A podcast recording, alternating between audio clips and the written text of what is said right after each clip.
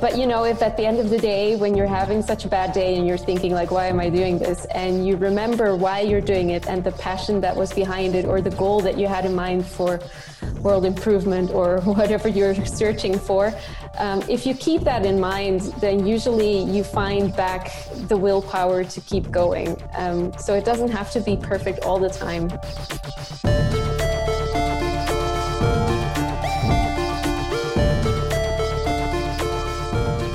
Welkom bij HealthNerd, een podcast op het kruispunt van zorg, technologie en ondernemerschap. Mijn naam is Tom Raakleers en dit is de HealthNerd podcast.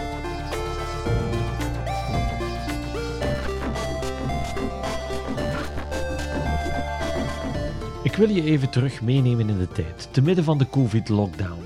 Buiten komen was er niet bij en dus gingen alle events online door.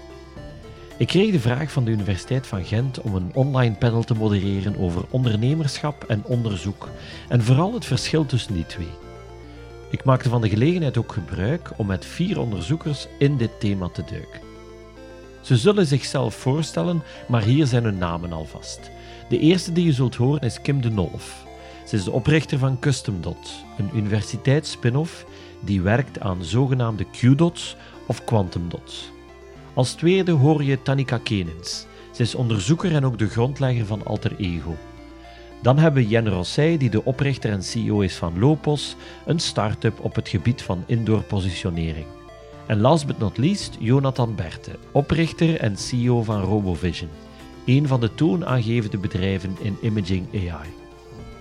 Misschien ook een goed moment om even mee te geven dat het hele interview in het Engels doorging.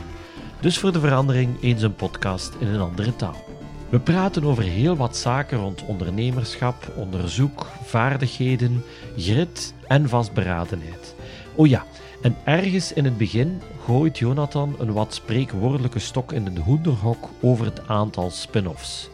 Hoewel Gent in werkelijkheid de vijfde positie in Europa bekleedt in aantal universitaire spin-offs na Cambridge, Zurich, Oxford en Lausanne. Niet slecht als gezelschap. Dus als je Jonathan hierover hoort praten, zullen we het meer over perceptie hebben dan de pure cijfers. Dit panel werd georganiseerd door het Centrum voor Ondernemerschap van de Universiteit Gent, genaamd DO. Dus als je ons hoort praten over Expedition DO, dat is hun acceleratieprogramma. Bon, genoeg gezegd, tijd om er meteen in te vliegen en de eerste die wordt voorgesteld is Kim de Nolf. Geniet van deze aflevering van Health Nerd, die met Expedition DO.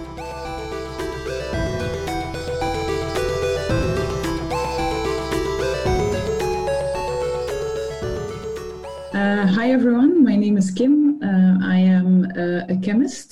So in 2007, I studied. I started studying chemistry here at the Ghent University. Um, and uh, after my studies, I went to uh, do a PhD in uh, physical chemistry in the group of Zeger Hens. Um, in uh, that group, we research uh, mainly uh, the uh, physics and chemistry of nanostructures. Um, so we uh, focus on, on semiconductor nanoparticles, and those can be used um, to make uh, displays and lighting better. So in that research group, some patents were um, were produced. So that actually started. I, then we had the idea of creating a startup uh, from that uh, uh IP. And uh, so we went to uh, apply for an IOF grant, so a, a, grant at the Industrial Research Fund, to see if this research could be valorized and could be brought into a spin off. And somewhat three to four years later, here we are. Uh, QustomDot has been launched uh, in uh, 2020. So uh, actually, tomorrow is our first uh, birthday. Um, and our uh, company specifically makes quantum dots for microLED applications. All right, thank you, and congratulations on the, the, the first anniversary tomorrow. So this was a, a classic, if, if I could put it gently, a classic approach from research to company. I would like to give the floor to Tanika because you did the inverse actually. You started as an entrepreneur and then became a researcher. How did that come about? Yes, um, thank you, Tom. So, indeed, I started a language company in 2013, which is still running, Hello Languages. Um, and while I was there, I already had a thing for research before starting, but um, you know, economic situations pushed me to do to go and, and do my thing. And while I was running that language school, I actually came upon the same research question I, as I had been walking around with since forever, which was how come some people learn faster than others or how come this thing is working for some people and it's not working for other people um, so since i thought this question is going to haunt my nightmares for the rest of my life if i don't do anything about it um, i decided to go back to research uh, with the help of ellen one of the uh, one of the people from Duke, and actually. Um, and I ended up in um, well, cognitive sciences basically. So what we do with AlterEdu is um, we developed a model that maps the way people process information and how they use it on the work floor. Um, so that we can make predictions on lifelong learning, up and reskilling, but also productive working individually or in team. Um, so that we can help to uh, let people evolve just as quickly as the job market is changing. All right, thank you for that introduction. And we'll get back to a couple of the things uh, you mentioned. Next up is uh, Jonathan Berte. He's the CEO and founder of RoboVision. Uh, Jonathan, could you give a bit of your background and also your academic trajectory, which is uh, not bad, let's put it uh, very mildly. So, uh, how did you come about to create RoboVision and, uh, and how did it start at the University of Ghent for you? Well, I um, uh, I was a difficult. Um, I was difficult in puberty. I was really the one that you didn't want to have in your classroom. Uh, but uh, then, at some moment, I, I, I got a book from my dad. It was called Gödel, Escher, Bach, and I was really inspired by it. And I, I really uh, discovered mathematics quite late, like in fifth uh, of the secondary school.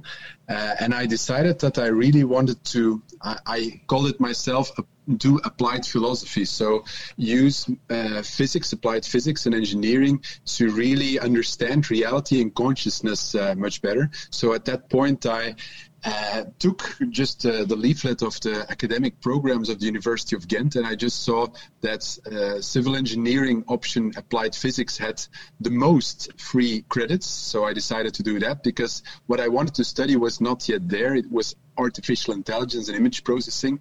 And I knew in the University of Zurich, the ETH actually, uh, was really um, that they were doing a lot of nice stuff, the Institute of Neuroinformatics. And that's when I really decided to have a business. I knew that image processing at some point would break off uh, or take off. And I started really as a consultant just like after my studies um, and uh, yeah, I discovered that this world was really taking off. And um, but at, uh, in the beginning, I wrote these algorithms myself, these image processing algorithms, and it was fairly difficult because it was always adapting to a new breed of plants. It was in agriculture, and then I met uh, Benjamin. I, uh, I, I, knew Benjamin Schrauwen since I was a child, but he was the leader of the group called Reservoir Computing, and uh, he, he called me one day and said like i have a really good postdoc for you and he, he doesn't know what, what exactly he wanted to do.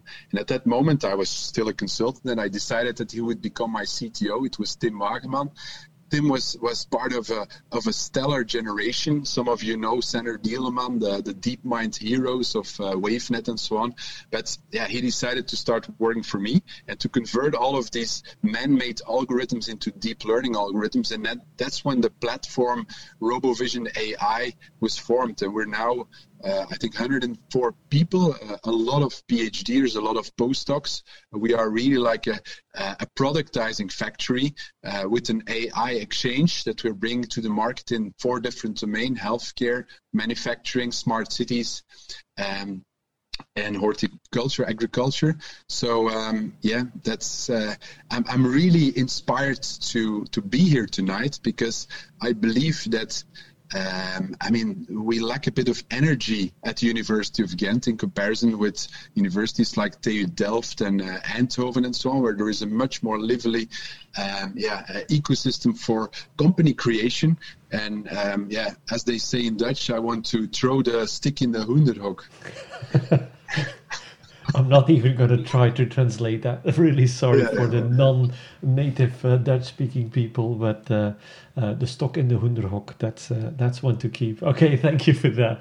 Uh, we'll get back to a couple of points you mentioned on hiring uh, PhDs and also the stock in the hoenderhok. We'll get back to that. Um, now, the last one is is Jan Rossey. He's the founder and CEO of Lopos. Jan, could you give your trajectory at the university and how you came about creating Lopos? Sure. Uh, thanks, Tom. So I started uh, studying. Um, no, I, I, started actually after my studies of, of civil engineering, uh, industrial engineering, at the research uh, group IDLab, which is a, a, research group that is affiliated both with the Ghent University and also IMEC. Um, and I worked for 10 years on different technologies from um, Internet of Things, wireless communication networks, etc., to indoor positioning. So one of my main focuses was positioning, which is like GPS systems, but that work also indoors and very accurately. So that was always one of my main interests. And after 10 years of working on that, we realized that we had some really nice technology and that would, was probably going to um, remain in the shelf that we were just going to put in the closet and not do anything with it. So we decided then, okay, let, us do something with this. Um, let's let's see what's out there. And then um, our, my promoter came to me saying, okay, and are you interested in uh, joining Expedition DO and seeing, okay, can we do something with this technology? So uh, I was a bit hesitant at first because I was like, hmm, uh, entrepreneurship that's something for me. Um, uh, I don't, I don't want, I want to work nine to five. That's that's, and uh, the the life after work is more important for me. Uh, and today I'm still here. Um, so and then uh, Tom and the other coaches at the expedition DO coached me a lot in going to really going to found a company based on our technology. Um, and today um, we are um, almost 10 people um, and we uh, have a lot of customers, over 100 customers, sold a lot of devices uh, in using our ultra wideband technology. So today we are focusing on social distancing wearables, um, devices that are measuring distance between employees of companies and warning them. But of course, we, we, we as well hope that COVID is going to uh, go away soon. So that's why we are uh, aiming our arrows to other domains and that is uh, worker safety solutions. So we, we're still going to focus industry-related use cases where we can use the same technology that we uh, developed at Ghent University. Thank you, Jan, for that introduction, and thank you all for uh, those introductions. Jan, I'm going to stay with you for, for a first follow-up question. Is you said I, I went from research nine to five to entrepreneurship. Uh, what make made you make that leap, and and how has that journey been for you? Uh, the good, the bad, the ugly.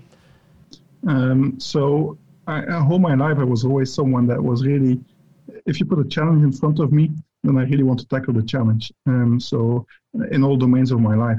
Um, and entrepreneurship, starting a company uh, from scratch was to me was a really big challenge that I really wanted to tackle. Um, and I said, okay, um, why not? And also the mindset of entrepreneurship is something that I really learned at Expedition DO. Uh, because in the beginning, I had no idea what uh, all the company turn and startup uh, um, things meant. But there, I really learned what what it uh, what what it means, and it really fascinated me. So um, indeed, the nine to five thing, uh, a, a, safe job, um, was appealing to me at that time. But leaving that and leaving, we said we're going to leave the golden cage of uh, a, a, nice position at the university to go into a very uncertain, risky um, job. Uh, well, it, it, appealed really a lot to me, so we, we made the leap, and today I'm still very happy that I did that. Yes. Jonathan, maybe getting to you. Um, you're probably the most seasoned entrepreneur in in this uh, in this company. How would you define entrepreneurship? What what makes you an entrepreneur? Oh, it's uh, it's fairly obvious. It's risk taking. It's uh, going out of comfort zone. It's very comparable with uh, doing sports and uh, and and trying to run a marathon if you're still on the 10k level. Um, it's yeah, being different. It's all about solving problems that um, are not yet solved, uh, trying to improve society, trying to gather the best and brightest around you, and um, yeah, making most out of it. It's it's really like a game. It's really comparable to these sessions of. Uh, uh, Kolonisten of Catan or Hotel when you were 12, 13 years old and you felt this vibe like, I'm going to win this game. That's entrepreneurship. It's about, yeah, uh, putting a flag on the moon. And is there a certain skill set that you need as an entrepreneur? Can anybody be an entrepreneur? No, not anybody can be an entrepreneur. Uh, you really need to be resilient. Uh, you need grit, long-term passion, and endurance. Um, yeah, it's it's. I mean, some people really have it in them, and others I can advise to really work for the state and not be an entrepreneur. I mean, it's not for everyone. Okay, that's uh, that's clear. Uh, Tanika, you you were an entrepreneur and then became a researcher. You're still an entrepreneur, but you also became a researcher again. Uh, was there something in your entrepreneurship that was holding you back from becoming a researcher, or was it a drive towards that research? How was that personal journey for you? I think it was a bit of both, um, because seeing that the, the first company that I started actually needed the research that I was going to conduct, it was more of a drive. Um, especially the further I went into the research topic, the more evident it became that lifelong learning was going to become something like a very hot topic and something that was going to be even more important towards the future. Um, so more of a drive. On the other hand, I have been combining research and entrepreneurship at the same time, and I do feel like um, I need to switch my mindset every time that I, I'm switching between tasks. So it's very difficult if I have meetings or, or sales conversations or those kind of things or development in, in AI for for the startup. If I have to do that in the morning and then in the, afternoon I need to go back to research, it is very hard to get my mind back to what is necessary for research to, to be focused on all the details, all the evidence basedness and everything that's that's that's not so relevant to entrepreneurship. I mean, need to take the speed out and slow down and go back to to the the baseline, right? So it, it does have a, a, very specific. It's a drive, but it's at the same time also quite um, restricting towards what needs to be done in research, also time wise, obviously. And is that for you the biggest difference that that the, the speed and and the perception of time between an entrepreneur and a researcher? No not the biggest one. Um, i mean if i if i were to compare it the other way around so if i take the model that we've constructed for research um, so of course you're uh, you're always product um, anchored because you're looking for the best way to develop your product. You want it to work perfectly. You want it to be evidence based. You want it to be inclusive, everything. Um, but then from the moment you hit the market, basically the market, before it had its um, its knack or its tendency towards more evidence-based models, the only thing that really mattered was the the use, the ease in use, for example, so customer um, efficiency.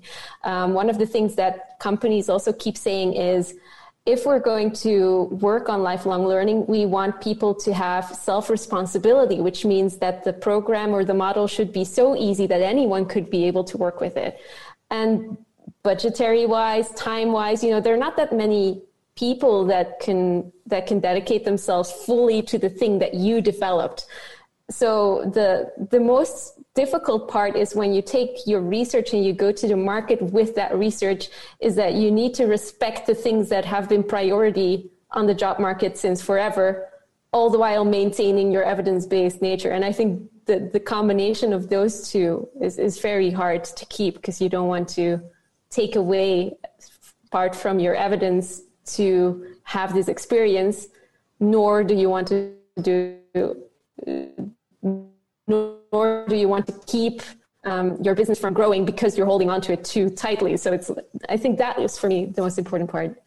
Kim, getting to you because you took the whole trajectory from researcher to to entrepreneur. What is your experience? You're, you're now one year officially entrepreneur.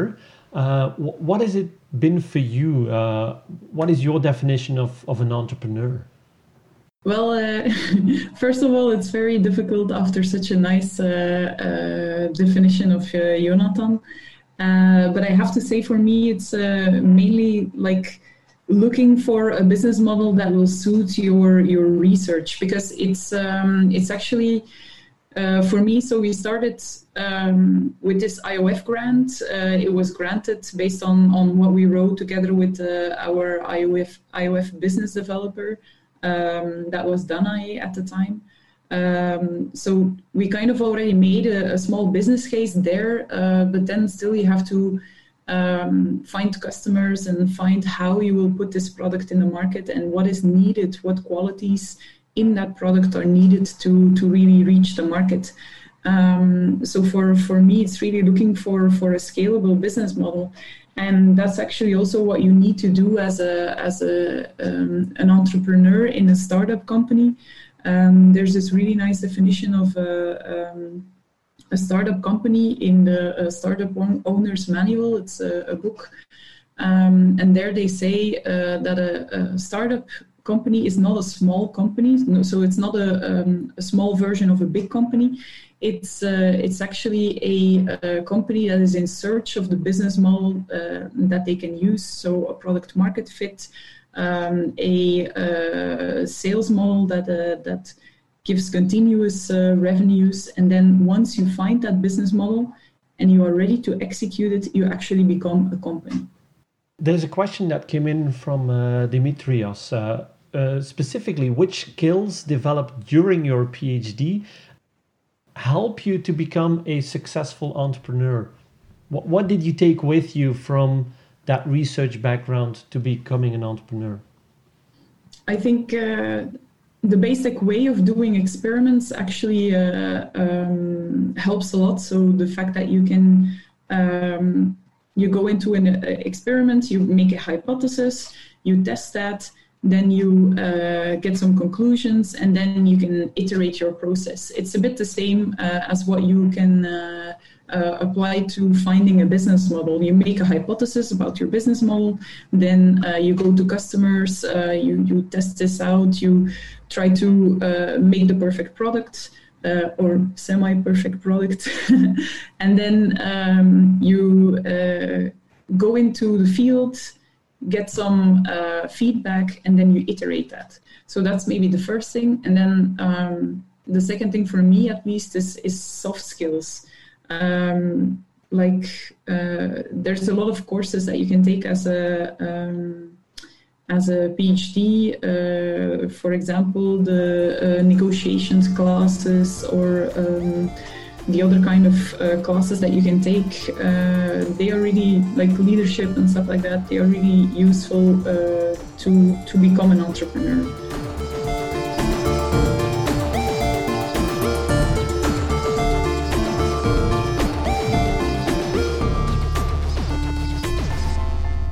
Jonathan, you mentioned at the beginning you hire quite a lot of PhD and, and postdocs, and you're based in the research park in, in Zwijnaarden.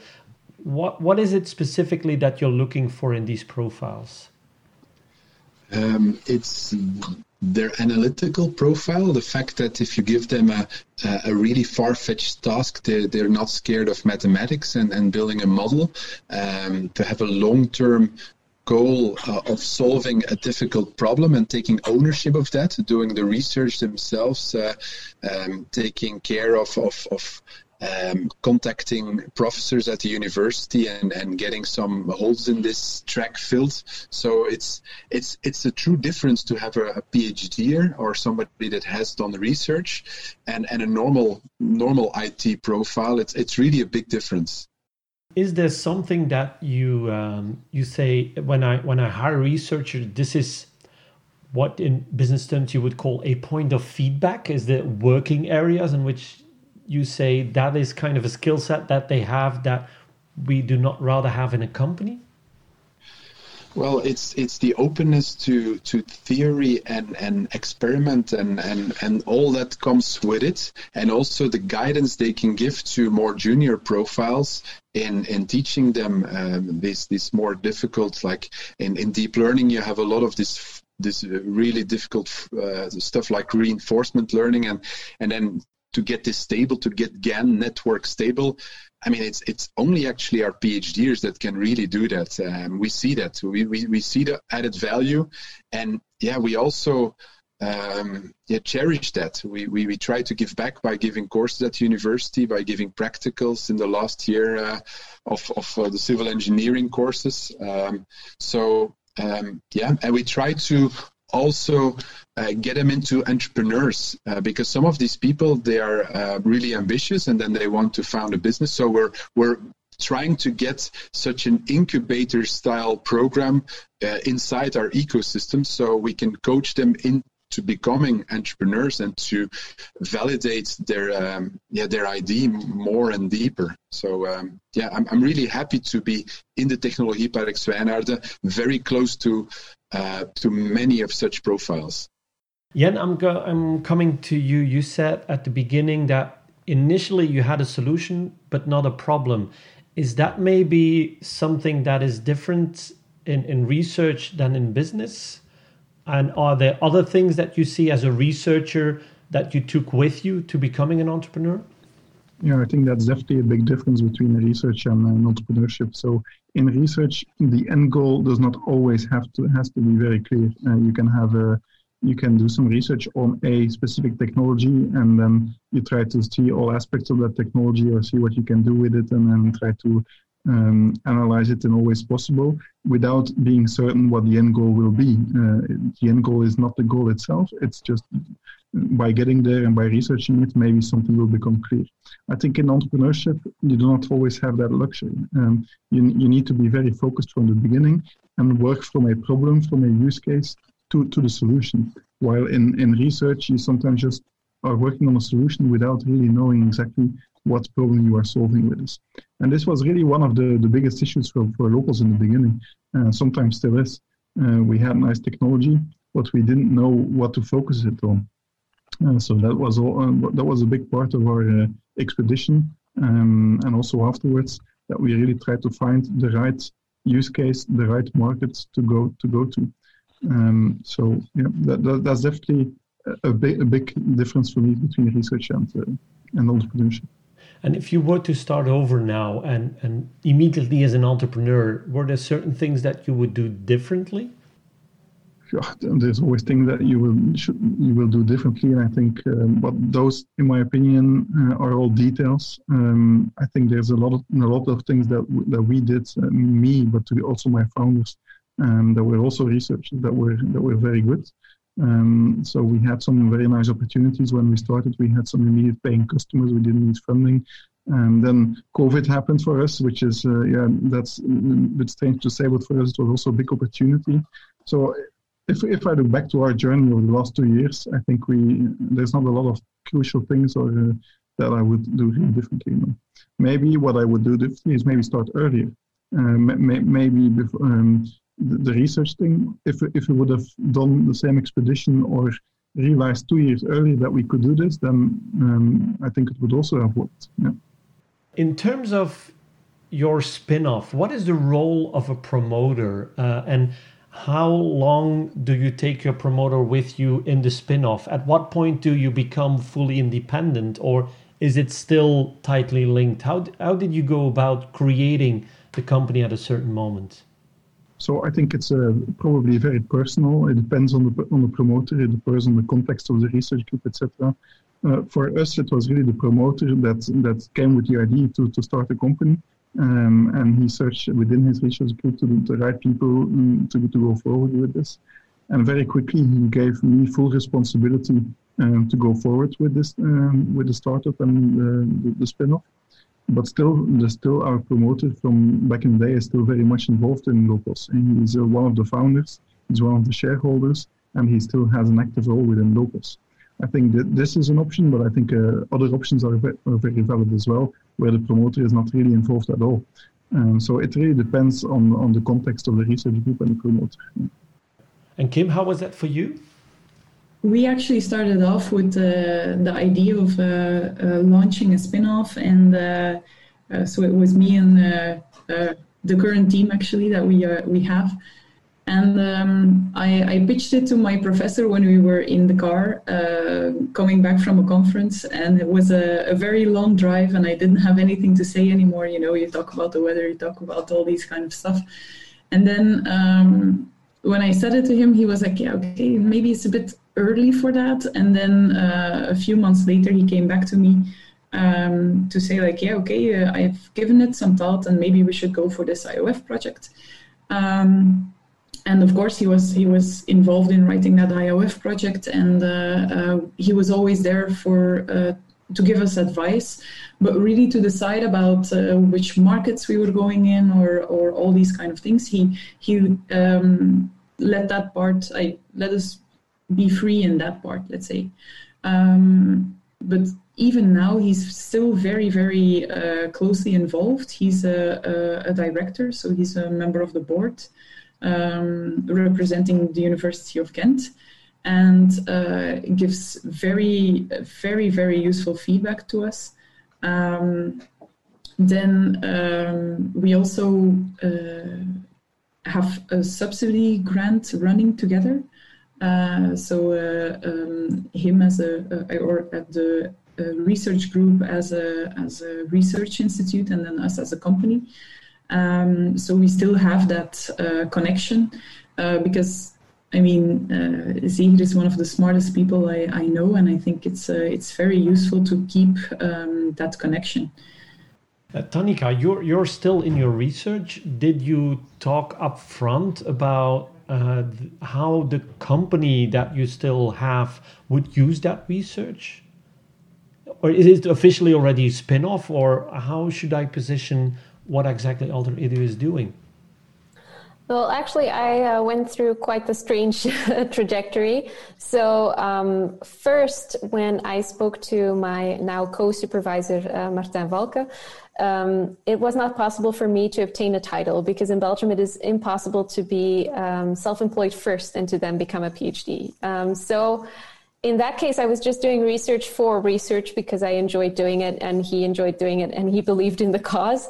Um, after a while, I met a professor from the University of Tilburg in the Netherlands where it is possible to be self employed and to obtain a title at the same time. So I transferred, and uh, at that point, UGent became the co-university, uh, not the first university, meaning that all of my tech transfer um, talks were also transferred to the University of Tilburg. Um, since it was a quite a, a relative new uh, project, so humanities and digital sciences don't usually tend to have startup um, spin-offs so they basically just accepted the fact that since it was a self um, self funded PhD, that I got to keep all the rights. So in my case, there is no actual spin off as in the pure definition. On the other hand, um, my co supervisor, so Martin Valcke from the University of Ghent, would always be in the board of directors, will always be involved in any kind of project that we um, that we go for.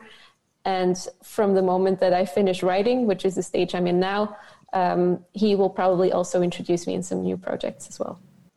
Jonathan, I want to jump to your remark you made at the beginning um, about why UGent is, is less active than, for instance, uh, TU Delft or TU Eindhoven. Uh, why do you think that is that there are less spin offs or the perception of less spin offs uh, from from, uh, from this ecosystem, and maybe by extension the Flemish university ecosystem?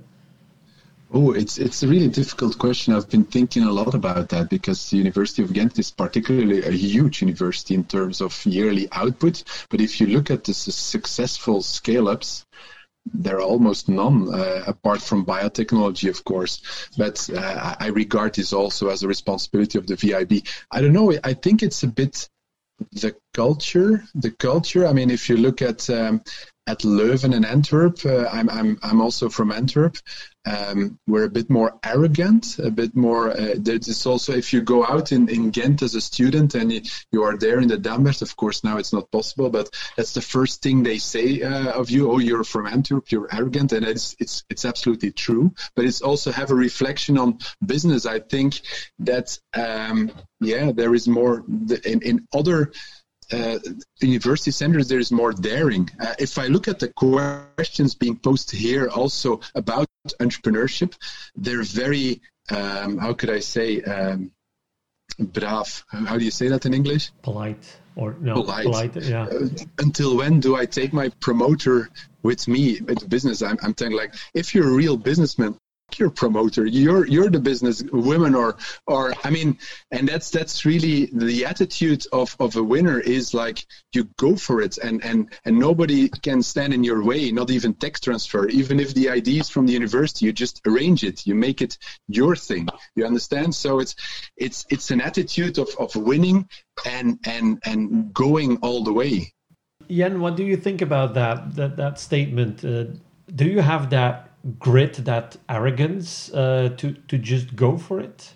way too little in comparison to Jonathan, probably. Um, but still, I, I, fully, I fully follow him. Uh, just getting things done, just saying, okay, this is the goal that I have, and do everything that you can just to get that goal. Um, it's it's very easy uh, especially in the, the journey to, towards a startup and to any company, to, to see a lot of problems and say, okay, these problems are too much and let's let's stop it.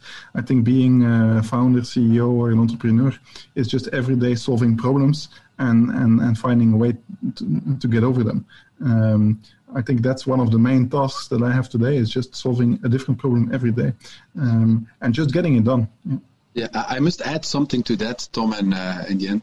It's it's that I mean, the real good business people at RoboVision, I'm, I'm talking to extremely talented people of 29 that, that are doing whale deals, as we call them, deals of 3 million euros in licenses. So pure gold for the company valuation. They're really afraid of the PhDers because PhDers are, I mean, we call them the PhDers in the company.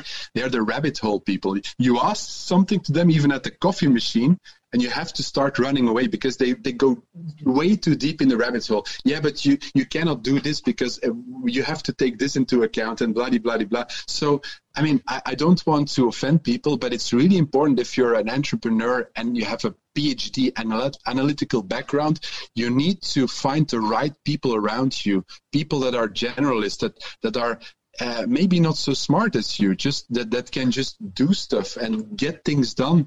Um, and it's it's really important to, to have this awareness. I mean, um, I, I, was schooled in a family where intellectual capacities were, were very much highlighted uh, in the sense that, um, yeah, it, it's not just, just enough to be smart. You need to be handy also, you understand? There's a question that came in that, that links to that from Dimitrios is uh, maybe combined to that grit and and that that drive. Uh, his question is, how do you protect yourself from being copied at the very beginning against competitors, big brands that that want to copy your work, slightly change it? Maybe linked to that, a follow up question from my side is: Do you need to worry about being copied? I think if you if, if you have to start worrying about being copied at minute one, it's not a good business idea. I mean, in the first place, it needs to be something which is very innovative, but also quite uh, complicated to, to construct. So you have a natural uh, barrier between competitors. If you have a brilliant idea, but somebody else can can do it in a week or, or with with some 200k euros, just copy it. It's just not.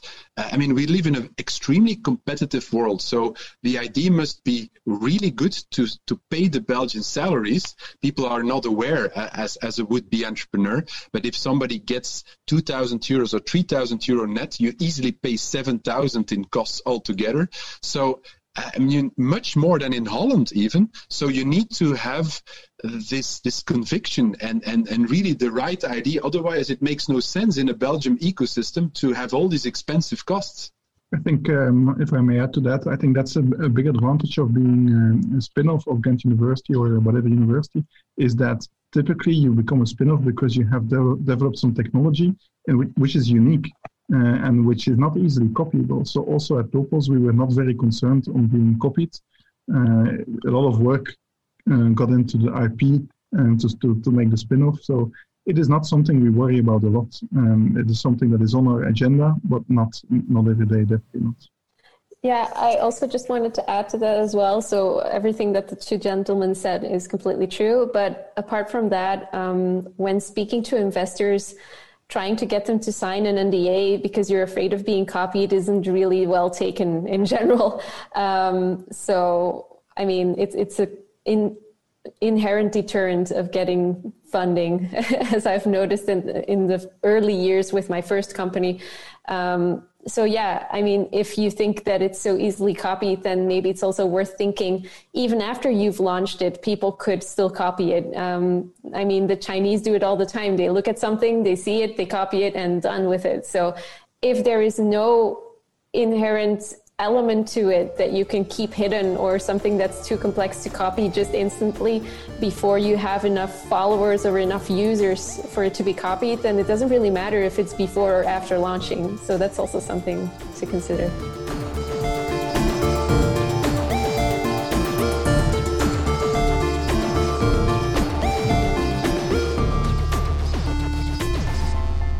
Jumping to Kim, a question from Jolene, uh, specifically on your entrepreneurship journey. How did your colleagues react? Was it more like, what are you doing? Or was it more like in awe, uh, she's taking a risk to become an entrepreneur?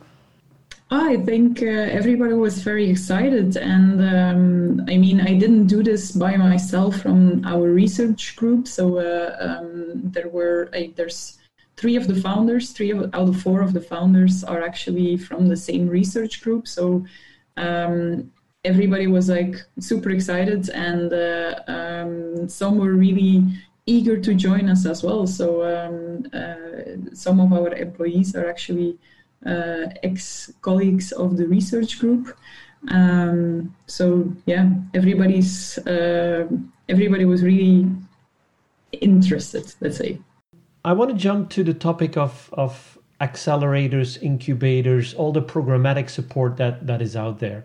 Uh, so Jan, you followed Expedition DO, Kim, you followed Voka Bryo and, and Start it @KBC. What is what is your experience, uh, and anyone can react to this, uh, with these programs? Uh, maybe Jan, I want to start with you, Expedition DO. This is the moment where you promote that it's fantastic, uh, like we okay. like we rehearsed, right? Yeah, perfect. Just uh, yeah, I, I, we, I, didn't even have to re- rehearse it to tell the truth. So, uh, to me, Expedition DO is really what ex- accelerated me uh, from a researcher to an entrepreneur. So, for me, it was very valuable. Uh, as I said, uh, I really, before joining Expedition DO, I was not planning to, to start a company. I was not planning to uh, to take this journey. But really, there, I was coached and, and, got really the vibe to, to do something um, entrepreneurial.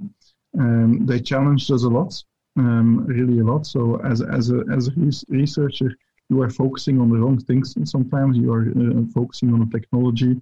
Uh, we, uh, me, and the other founders were also way too modest, thinking about okay, what can we do with this technology, and um, being a bit more, you know, um, extrovert and saying okay, we can do this and we can grab this this market that that's something that the expedition DO really really, really helped us with. So, uh, and also an, an, important factor is we knew while being while doing research that we we needed to do something with this IP. Uh, but really doing it um, while you are having a full-time job uh, as a researcher is not that easy um, because you need to spend a lot of time in that and a lot of effort. And having Expedition DO, which really gives you okay uh, workshops and deadlines and things to do, and you really have to follow them, um, yeah, it can really kickstart the effort that you put into it, and and yeah, and that really meant a lot for us. Yeah, so uh, for me, um, I don't have a formal training in uh, in entrepreneurship, uh, so the all the accelerators really helped a lot, uh, just to make sure that you focus on the right things or that you uh, that you get to know certain aspects of the business uh, or or entrepreneurship it's really important. And uh, what I really felt is that um, as you grow as an entrepreneur, different um, accelerators and different courses and different uh, things can be useful for you.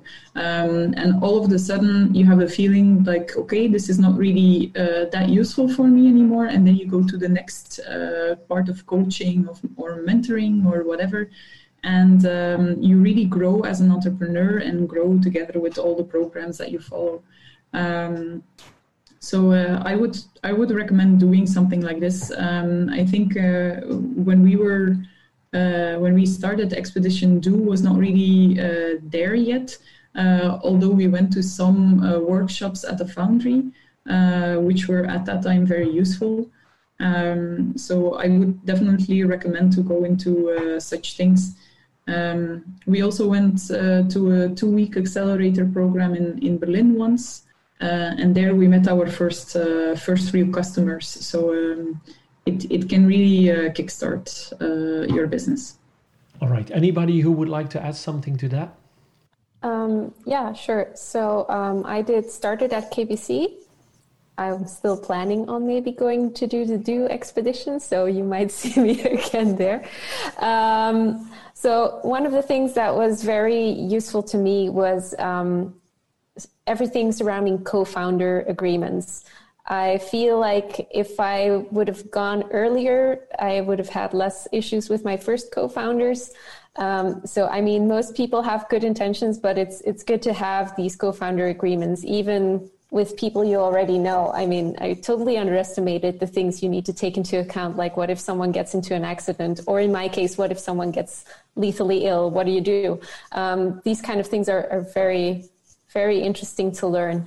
Um, I do feel like a lot of accelerators are giving a lot of um, coaching and a lot of uh, presentations. Uh, I think one of the things that I'm missing a little bit out there is more workshops from people who've been through the stages that you're being confronted with. So the the ones that actually put you to work. So not the ones where they just tell you about what they've been through, but where they actually tell you like and now we are going to work on this together so that's one of the things that i've been missing at the places i've been to um, so that's in general but um, i believe that do will definitely do something about that, right?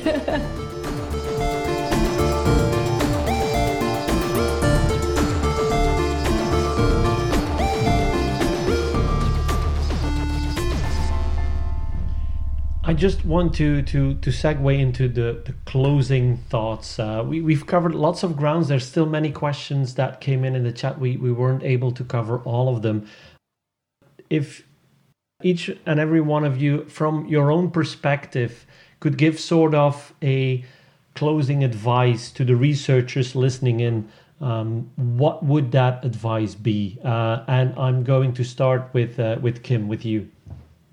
Think well and, and dare to do something. I mean, it's the slogan of uh, the university. So uh, I think uh, that's maybe the, the most important part. Dare to do and uh, and learn every day. Tanika? One of the things that I've noticed from a lot of entrepreneurs that we don't, not a lot of people talk about how hard it can be. So if you decide to go into entrepreneurship, realize that when you're suffering and you think like what the hell am i doing? Why did i start this? Um, that you're not the first to think this. This doesn't mean that it should be an end to your project. It's just a hard a, a tough notch to get by. Um, but you know if at the end of the day when you're having such a bad day and you're thinking like why am i doing this? And you remember why you're doing it and the passion that was behind it or the goal that you had in mind for world improvement or whatever you're searching for um, if you keep that in mind then usually you find back the willpower to keep going. Um, so it doesn't have to be perfect all the time. Do realize that a lot of entrepreneurs are trying to convey a positive message which is important but that doesn't mean that if it's not 100% positive for you that you're doing something wrong that's a great insight uh, Jan your closing thoughts yeah, so let me make some more um, advertisements for accelerators like Expedition DO. So I think um, Jonathan said in the in the call before, um, being a researcher um, is not the best background to become a CEO, and I fully uh, fully agree with that. But what I also think is that it is definitely possible to do that, but you need to have a lot of coaching. You need to have a, a good, um, good support team behind you that you can uh, fall back to to ask all kinds of questions to. And I think for me that helped with Expedition DO. That also helped with IMEC iStart, and both of these accelerators also helped me in finding the right people around me that have, have more business experience, etc. That are not too technical, uh, and surrounding yourself with the right people. I think that that's really crucial. Um, tackling it alone is, is very lonely. Um, and and it's very difficult to do. So uh, having a team with like-minded people from different backgrounds is crucial, in my opinion. Okay, thank you, Jan, for that. And uh, Jonathan, to you as the seasoned entrepreneur, what would your advice be to these uh, researchers? Um, first of all, to think really out of the box because only one in 10 of these tech startups, they really survive long term. So you really need to be extremely original and you need to be aware of your own um, yeah, bad bad aspects of yourself. So you need a lot of coaching uh, in the sense that you need to write advisors, and you need to uh, be acquainted with the concept to go all, all the way and out of comfort zone. So go on marathons, one marathon every two months or something, um, to really have this psychological resilience to go all the way. Because when Corona strikes and you you're in debt, you have loans with the bank. I mean, you will have sleeping problems and so on. I mean, if you're in particular situations, and many of us are. So you need to be very healthy psychologically to cope with that. So be prepared for rock bottom, and it's only when you touch rock bottom that it will go better.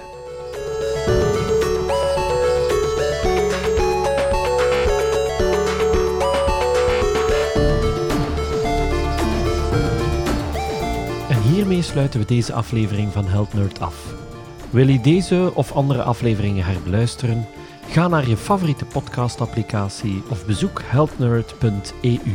Heel graag tot de volgende.